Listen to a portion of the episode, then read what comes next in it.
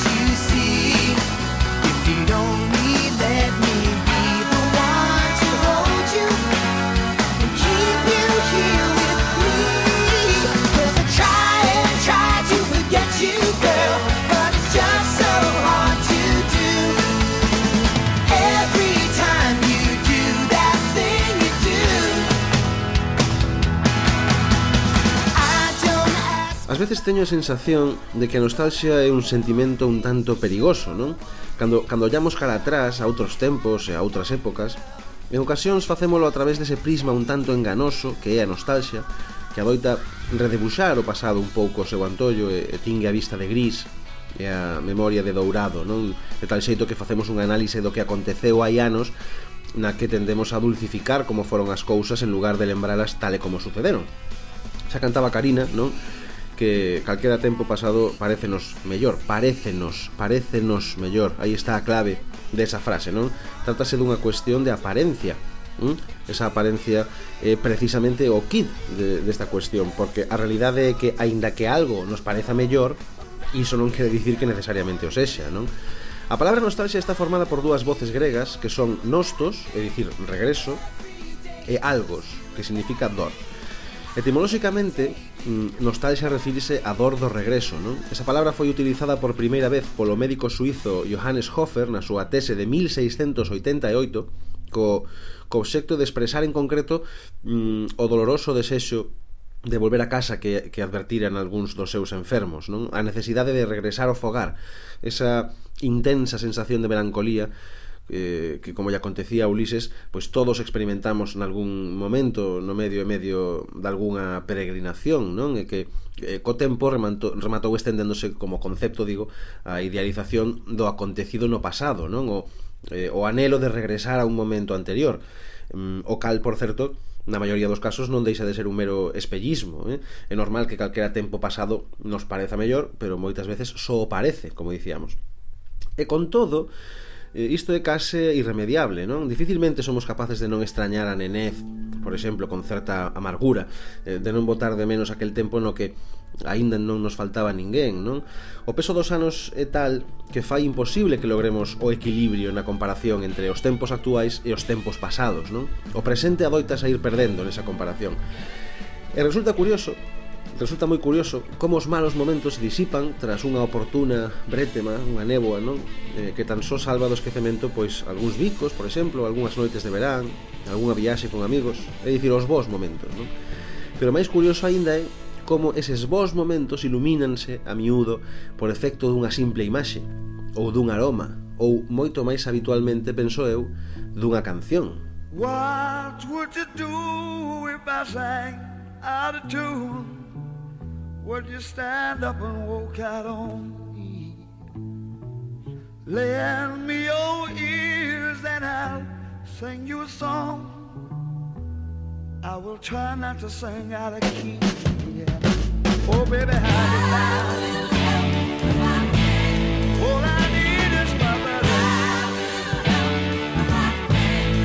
say I'm gonna get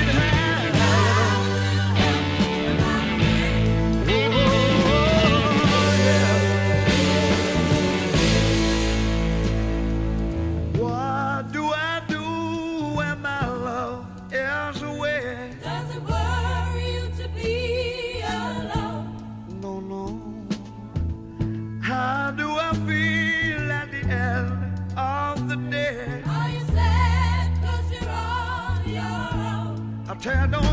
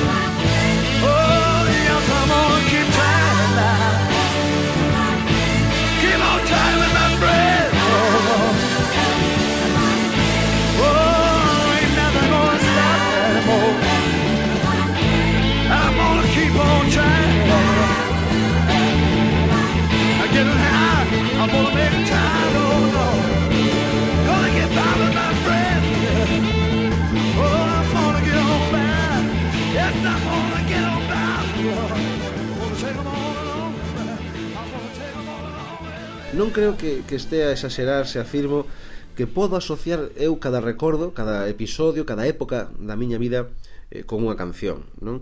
Eh, e como lle corre a todo o mundo, ao final son moitos os grandes grupos que me acompañaron durante toda a miña vida, non? E que aínda me acompañan. Por iso ás veces é máis difícil relacionar os discos ou os singles das grandes bandas da historia mm, cun só momento ou cunha anécdota determinada, porque son grupos que sempre están aí, mm, que sempre fan de banda sonora das nosas vidas teñen soado moitas veces as súas cancións. Sen embargo, hai outras cancións, a maioría delas mm, xa desaparecidas entre os meses e os anos, non? que quizáis pola súa fugacidade, precisamente, están forzosamente ligadas, íntimamente ligadas a un instante concreto, e forman parte xa do propio recordo, non? Xa forman parte globalmente dese recordo teu. Cancións que só estiveron aí eh, nas nosas vidas durante unha ou dúas semanas, non? E desapareceron para sempre, quedando asociadas na nosa memoria a unha vivencia moi concreta, non? E, e, e o mesmo que lles acontece a esas cancións, acontecelles aos seus autores, os autores desas cancións que apareceron de súpeto na vida de todos nós para despois desaparecer para sempre, como digo, non? Entón, estou a falar eh, dos, dos One Hit Wonder, non? Dos prodixios dun só éxito, dos músicos dun só éxito. É moi habitual escoitar iso de que o difícil non é chegar, senón manterse. Eu non me atrevo a poñelo en dúbida, pero iso non quere dicir en ningún caso que chegar, solamente chegar, sexa unha tarefa sinxela. Eh, existe certa tendencia, que por outra banda entendo é lóxica, eh, a menosprezar un pouco o músico que conseguiu un só éxito e que viu como a súa carreira posterior acabou diluída entre remixes desa canción e outros proxectos fracasados, non? Pero sería unha torpeza eh, non apreciar o mérito de quen conseguiu polo menos unha vez frikis aparte, ¿no? eh, converter unha canción propia nun rotundo hit mundial. Porque se fora tan sinxelo chegar aí, aínda sen manterse despois, pois serían moitos máis os que o farían cada, cada mes, non? Ou cada semana. A pesar de todo, eh, non, non pensedes, eh, eh non, non é fácil identificar un one hit wonder é un músico dun só éxito. Escribiuse moito sobre o, sobre o tema e os criterios os criterios seguen eh, sen ser universalmente homoxéneos. Por exemplo, eh, sen ir máis longe, en Estados Unidos basta con alcanzar o top 40 da lista Billboard unha soa vez, eh, nunca máis de unha, para ingresar no clube de, de One Hit Wonders para ser considerado un One Hit Wonder un músico dun só éxito sen embargo no Reino Unido só se considera One Hit Wonder a quen teña colocado unha canción entre os 20 primeiros postos das listas de vendas británicas unha única vez, non, non, non nas, nos 40 primeiros postos como en Estados Unidos. É moi raro porque estes baremos por un lado reducen considerablemente o número de grupos e solistas que que, que poderían presumir de ter polo menos un éxito, pero ao mesmo tempo amplíano a artistas míticos, pois como por exemplo eh, Jimi Hendrix ou Lou Reed, que a pesar de formar parte da historia da música, a pesar de formar parte da historia do rock and roll, tan só conseguiron que un dos seus singles respectivamente figurase entre os 40 primeiros da lista Billboard, por exemplo, non? Ou seja, que teríamos que, que considerar a Hendrix eh, como un one hit wonder, se, se, segundo estes criterios, non? Ou a Lou Reed. A min non me, non me convencen. A min gustaríame ser un pouco máis generoso co criterio Eh, así que aquí eh, imos considerar que, que o termo One Hit Wonder engloba a, todas, a, a todos aqueles músicos respecto dos cales o cidadán medio coincidiría en que únicamente son coñecidos por unha canción, non? Aqueles músicos, aqueles grupos dos que calquera de nós diría pero fixeron algo máis, fixeron algo máis estes aparte desta canción.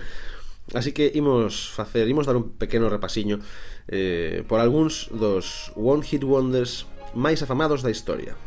Comecemos. Comecemos.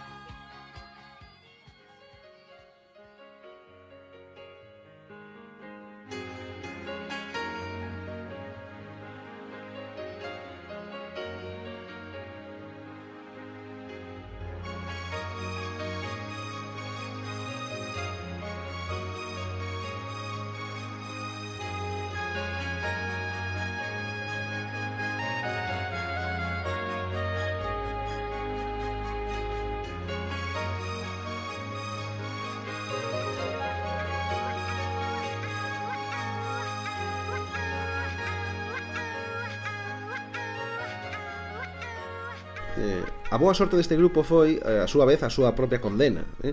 É difícil non ter éxito cando o teu single debut convértese no primeiro videoclip emitido pola cadea MTV. Eh? Hm? Unha elección moi apropiada, por certo, tendo en conta que a canción eh, o nome da canción é Video Killed the Radio Star, ou seja, o, o vídeo matou a estrela da radio, non? eh, pero hai que ser realmente bo despois para lograr manter ese nivel, non? Eh, e de Bagels, sendo breves, non fixeron nada máis, non? Nin, nin sequera eh, saíro de xira nunca, non? Eh, a, a letra di We can't rewind, we've gone too far, non? Eh, un pouco inxeno, porque ou sea, di, quere dicir, non podemos rebobinar, fomos demasiado lonxe, non? Eh, eh, en fin, a pesar de que de que o seu líder Trevor Horn tivo moito éxito como productor, foi productor de, de McCartney, productor de Cher, en fin, de moitos. O de The Buggles é un caso de, de One Hit Wonder de, de Manuel, como tamén o é, na miña opinión, o de Aja, Eh?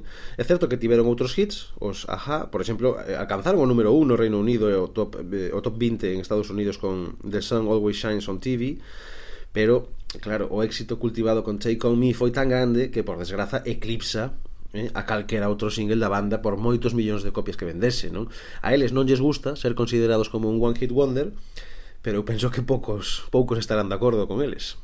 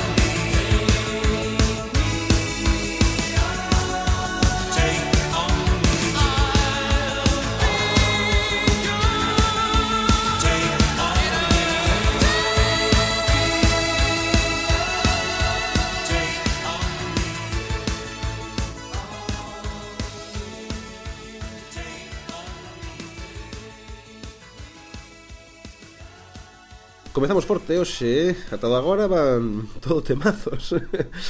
Imos agora cun tipo chamado John Paul Larkin. Era pianista de jazz, eh, tartamudo tamén. Despois de probar fortuna con escaso éxito tentando explotar o seu talento musical durante media vida, primeiro en California, máis adiante en Alemanha, en fin, decidiu que xa era hora de aproveitar de algún modo a súa tartamudez, non? E o obxectivo desta canción que vai soar agora era precisamente axudar os nenos que padecían o seu mesmo trastorno da fala animándolles a cantar con el, dicíndolles eh, na letra da canción que sí que se pode facer o que el, el, o que el fai, non? E para a súa sorpresa converteuse nun hit a nivel mundial. Estou a falar como digo, de John Paul Larkin, que é un home que seguramente coñecedes mellor polo seu apodo, que é Scatman John. E o certo é que o bo de Scatman tentou non un par de veces máis con Scatman's World e Everybody Jam, pero fora de Xapón, onde a xente é que, é que en Xapón a xente volveuse tola con, con esta última canción, elevaron a Scatman eh, case ao estatus de superestrela, non? Pois como dicía, fora de Xapón o éxito de Ullas Costas, a Scatman John e ademais a súa repentina morte debido a un cancro de pulmón evitou que puidese chegar a ser algo máis que un, que un one hit wonder, pero eh, en fin, a pesar deste final tan terrible nos temos que consideralo como tal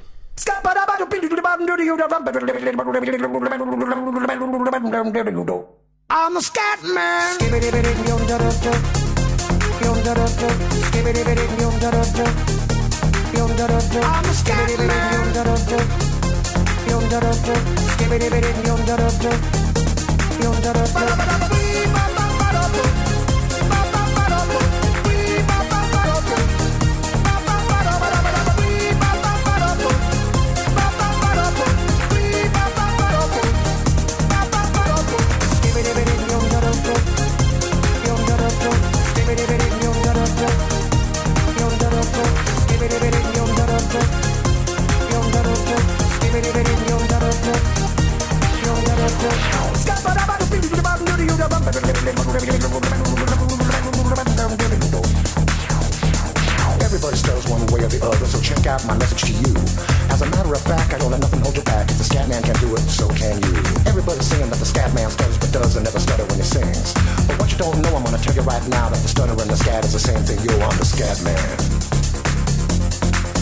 Where's the scat man? I'm the scat man.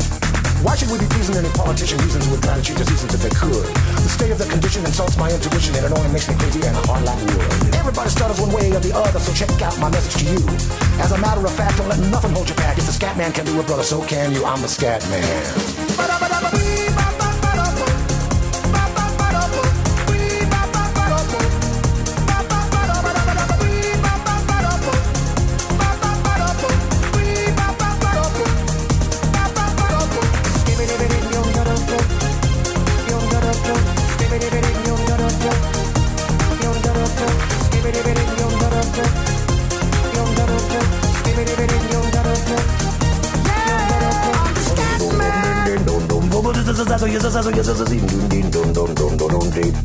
Where's the scat man?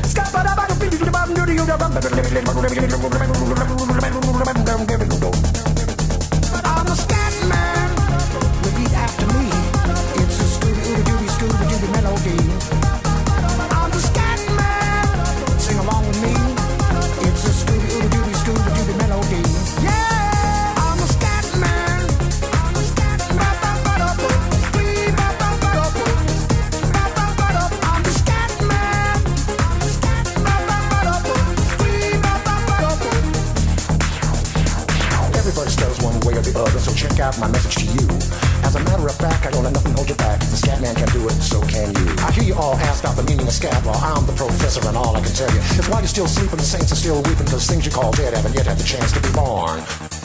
I'm the scat man.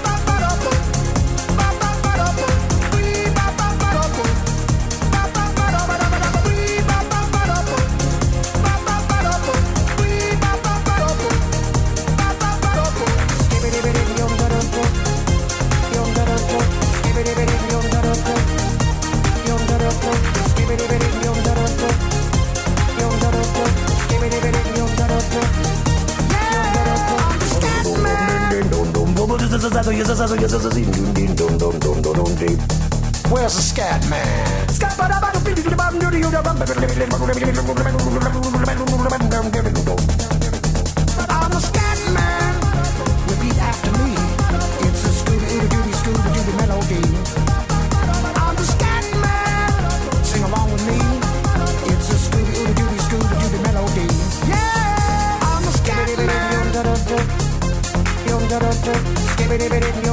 I'm the scat man.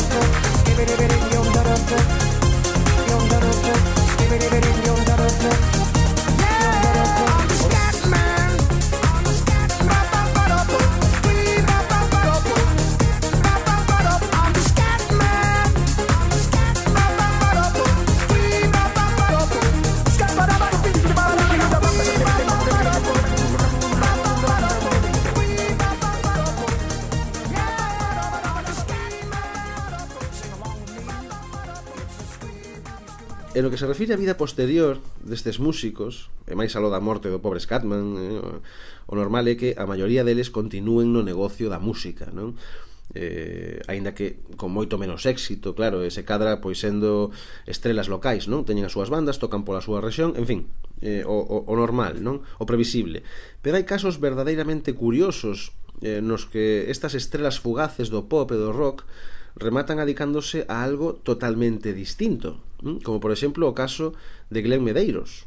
Eh, con 16 anos, eh, Glenn Medeiros, que era un, un hawaiano de ascendencia portuguesa, gañou un concurso, un concurso local versionando a canción Nothing's Gonna Change My Love For You e como parte do premio grabou unha cun pequeno selo discográfico eh, con tan boa sorte que un, exe, un executivo radiofónico de Fénix escoitouna un día eh, a canción cantada por, por Glenn Medeiros comezou a facer a soar nunha emisora de Arizona e de súpeto a canción converteuse nun hit nacional e despois eh, un hit mundial eh, no ano 1988 alcanzou o posto número 12 nas listas de Estados Unidos e o número 1 no Reino Unido en Europa foi un bombazo mesmo fixo unha versión en castelán que seguramente moitos de vos eh, lembrades e, en fin, que foi del? que foi de Glenn Medeiros?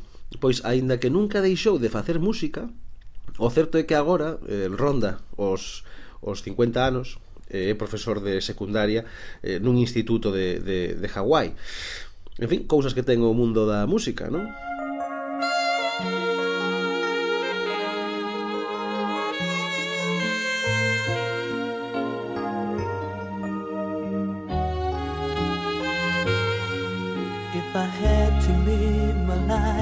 Without you near me, the days would all be empty. The nights would seem so long.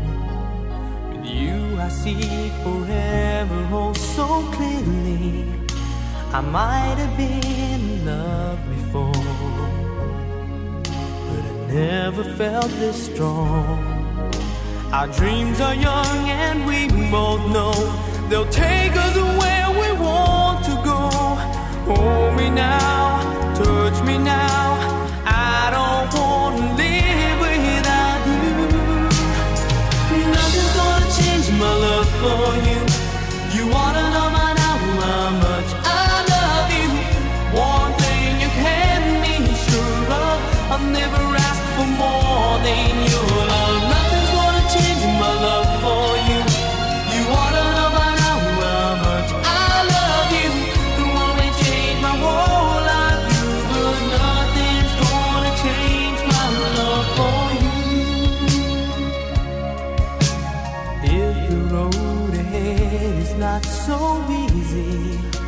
Our love will lead a way for us.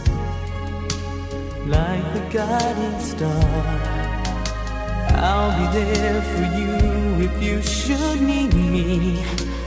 You don't have to change a thing. I love you just the way you are. So come with me and share the view. I'll help you see forever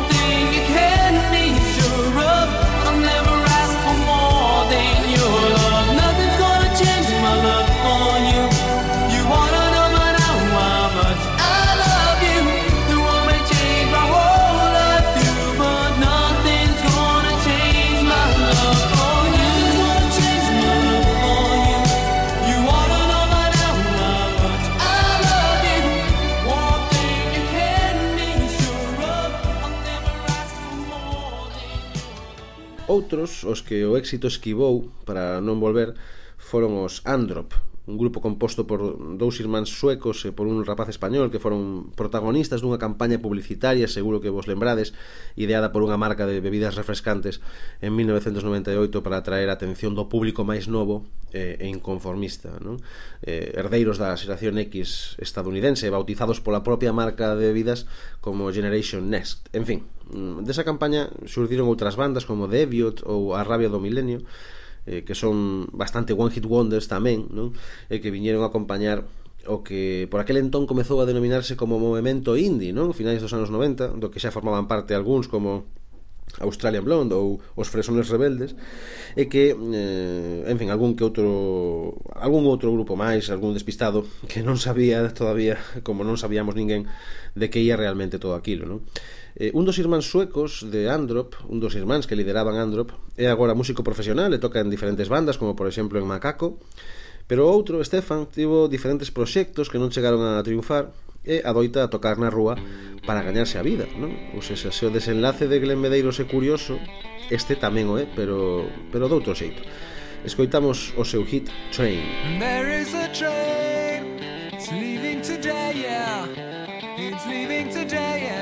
gonna get on it, yeah.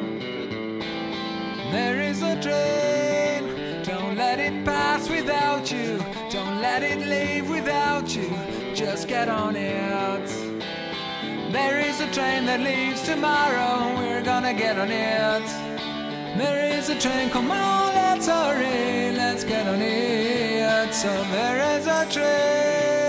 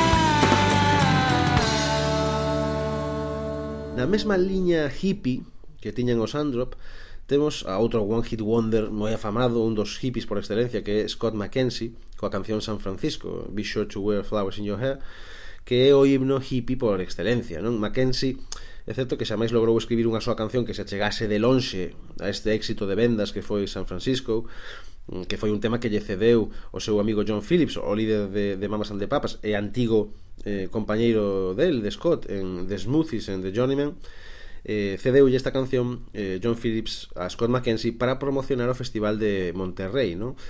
E foi un só hit en toda a súa carreira, un só, pero foi suficiente para converterse no representante mundial do Verán do Amor, Eh, pero en fin, un, un hit ao fin e ao cabo, por lo tanto, Scott McKenzie, One Hit Wonder.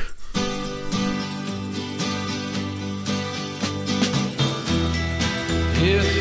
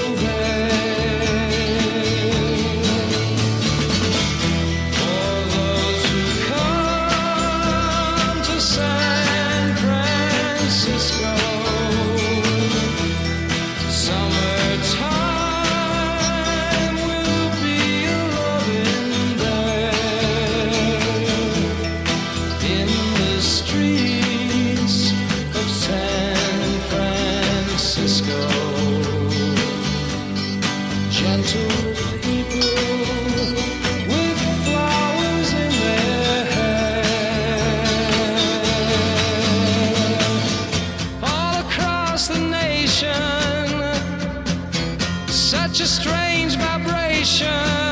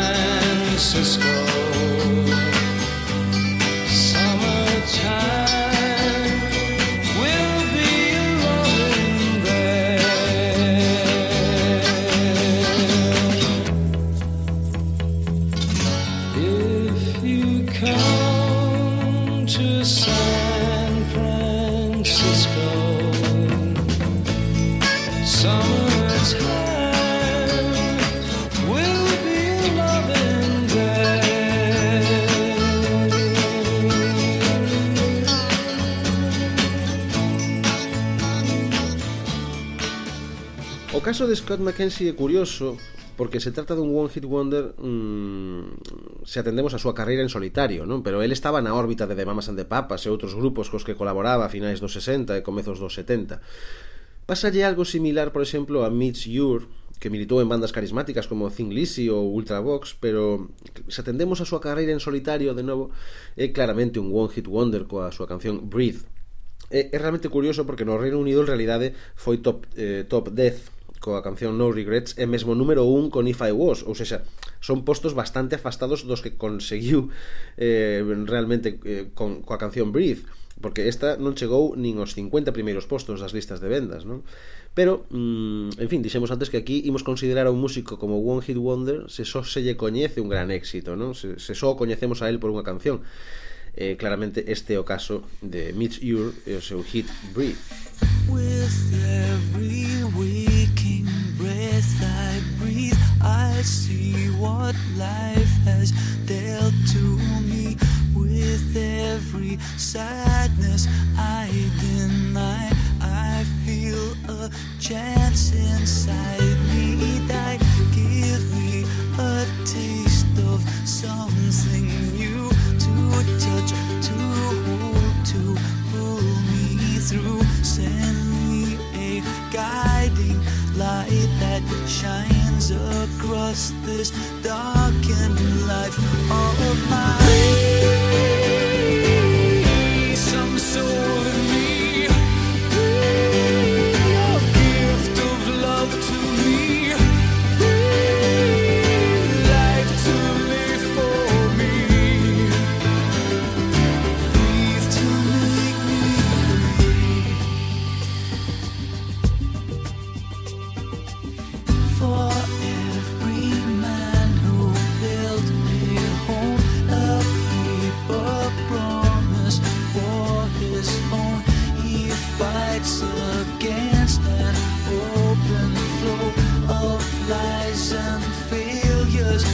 We all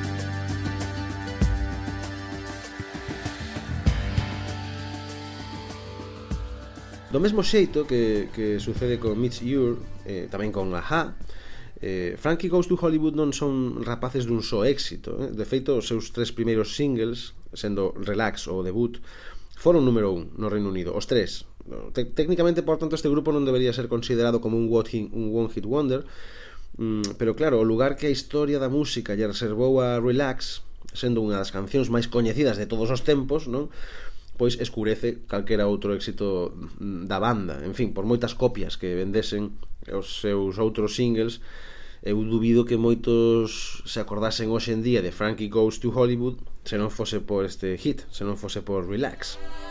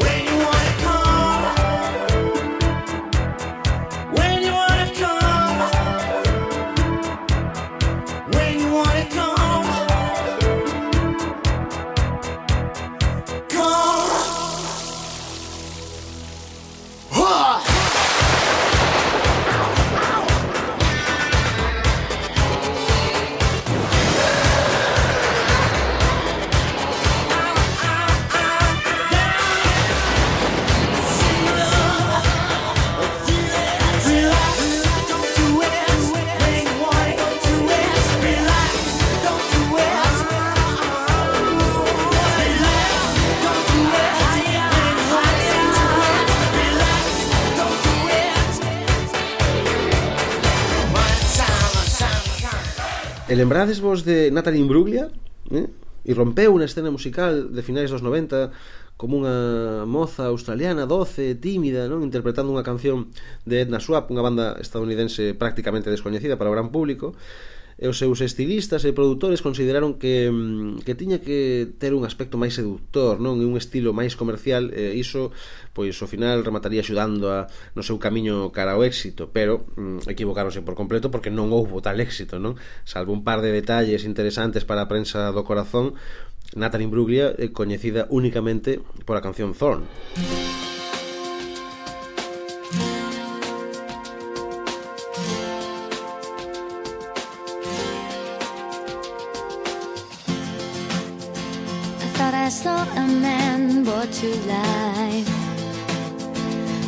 was warm, he came around like he was dignified. He showed me what it was to cry. Well, you couldn't be that man I adored. You don't seem to know, you seem to care what your heart is for. Well, I don't know him anymore. There's nothing where he used to lie. My conversation has run dry.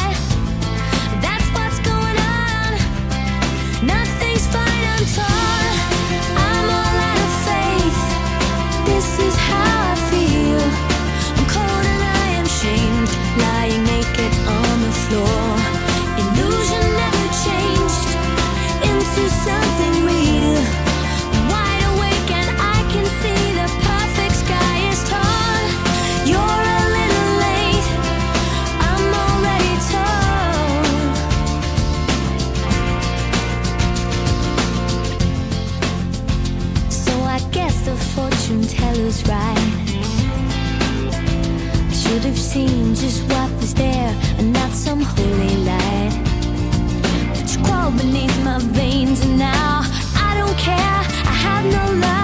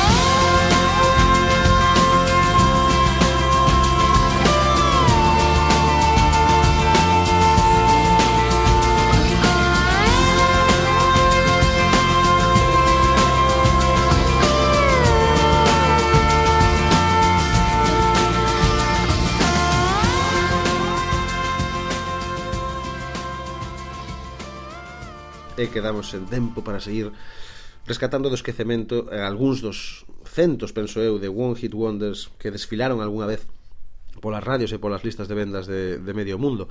Imos ter que facer unha segunda entrega deste episodio, como xa nos aconteceu co dos compositores na sombra, non? E tamén co, co episodio dos parecidos razoables que merecen unha, unha segunda parte.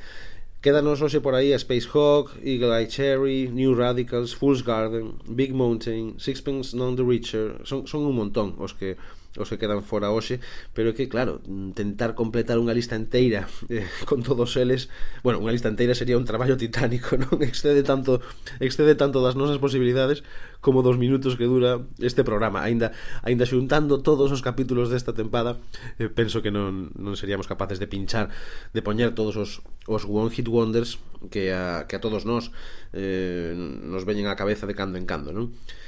Eu confío que os mencionados hoxe sexan o suficientemente ilustrativos como para que poidades facervos unha idea de por onde ían os tiros e comprométome a, a presentarvos outra lista de, de One Hit Wonders máis adiante. Agardo que desfrutasedes tanto como a nós, polo tanto, deste curioso programa de hoxe e eh, agardamos por todos vos, como sempre, na vindeira entrega de cara B. Coidadevos moito. Música